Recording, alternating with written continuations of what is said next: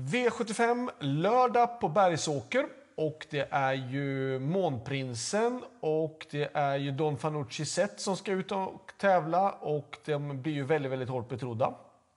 Men jag tycker att det är en intressant V75-omgång. Eh, och vi börjar redan i V75 1 och det är ett eh, klass 1-lopp och det är 1600 meter och voltstart. Jag är ingen riktig fan. Jag har vunnit väldigt många lopp på just 16 meter volt. Eh, men jag är ingen riktigt förtjust i det. Jag tycker inte riktigt om 16 meter volt.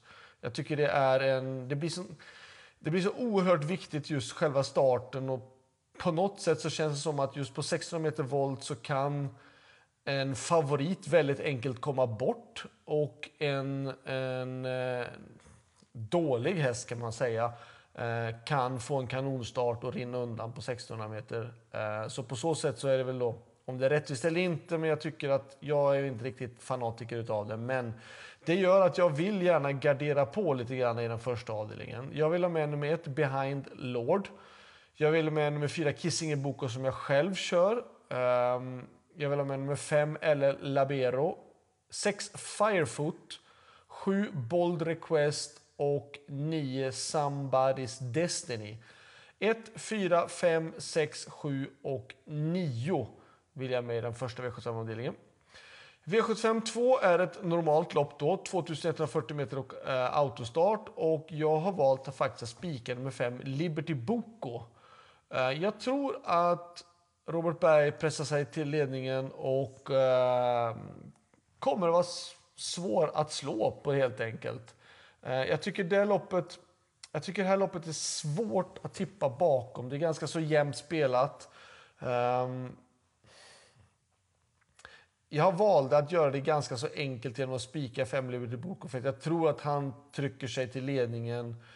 Och uh, i och med att det är så pass jämnt så tror jag att det blir ett väldigt dyrt lopp att gardera annars. Då skulle man kanske ta med både 1, 2, 3, 4, 5, 1, 2, 3, 4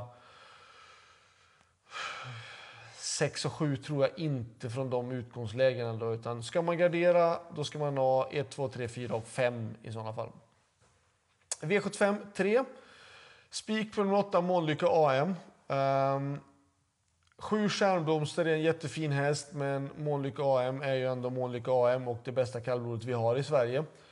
Uh, och visst, han har inte något flyt i spårlottningen, men det är lång distans, 2640 meter autostart.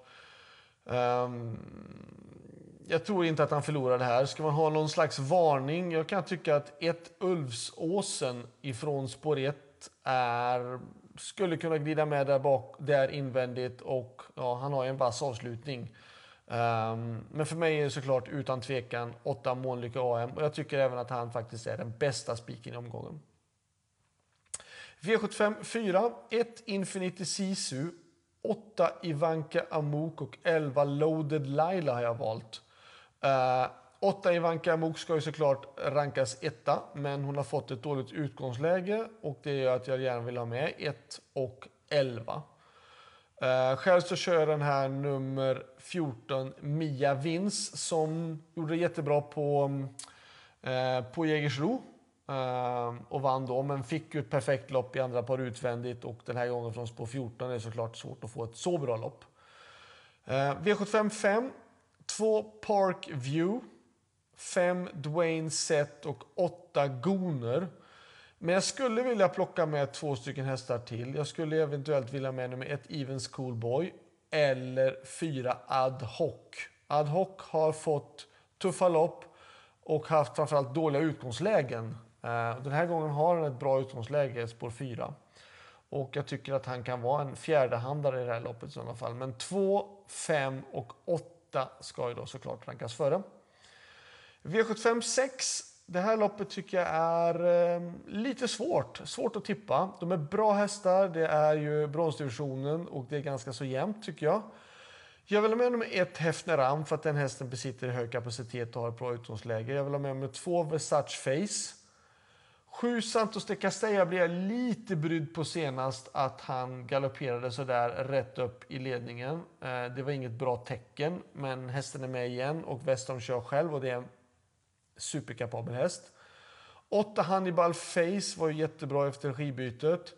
Eh, första starten där var ju väldigt bra, men har ju dåligt utgångsläge. Han har gjort nu två lopp så att säga eh, efter regibytet och två raka segrar. Men har ju ett tråkigt utgångsläge.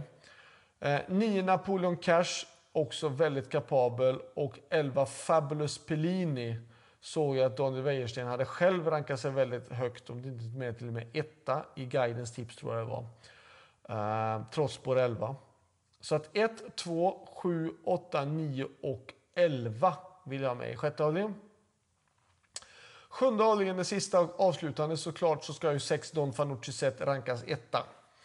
Eh, absolut, men jag har ju då hittat en annan spik. Jag hittade ju spik i den andra avdelningen var det väl och eh, i nummer 5 Liberty Boko. Och det gör ju att jag då har helt enkelt valt att gardera upp Don Fanucci set. Eh, jag vill ha med nummer 1 Money Viking för han känns fortsatt fin. Jag tycker nummer 3 Best of Dream Trio hade lite otur senast och satte ju fast med en del krafter kvar. Eh, och har ju då ett bra utgångsläge och en häst som har form ska man alltid akta sig för. Och sen då vill jag, tycker jag passa mig på nummer 9, Stole Show, som har också bevisligen jättebra form. Och om nu då flera bjuder upp till match mot eh, Don Fanucci sett så är Stolder Show en av dem som verkligen skulle gynnas av det. Så att eh, sexan ska självklart rankas etta, där bakom 1, 3, 9. Slutsummering, ja, bästa spiken är då såklart i den tredje avdelningen, den 8 Månlykke AM. Min bästa chans, ja, jag kan tycka att det är intressant såklart i den första avdelningen, även om det är eh, lite lurigt med fjärde spårvolt på nummer fyra Kissinger Boko. Eller då såklart i den sjunde avdelningen, nummer ett, eh, Moni Viking. Eh, glöm inte bort även att det är V75 på söndag. Det är V75 på söndag i Köpenhamn, eh, Charlottenlund, så ni inte missar det. Ha det bra, hörs vi. Hej då!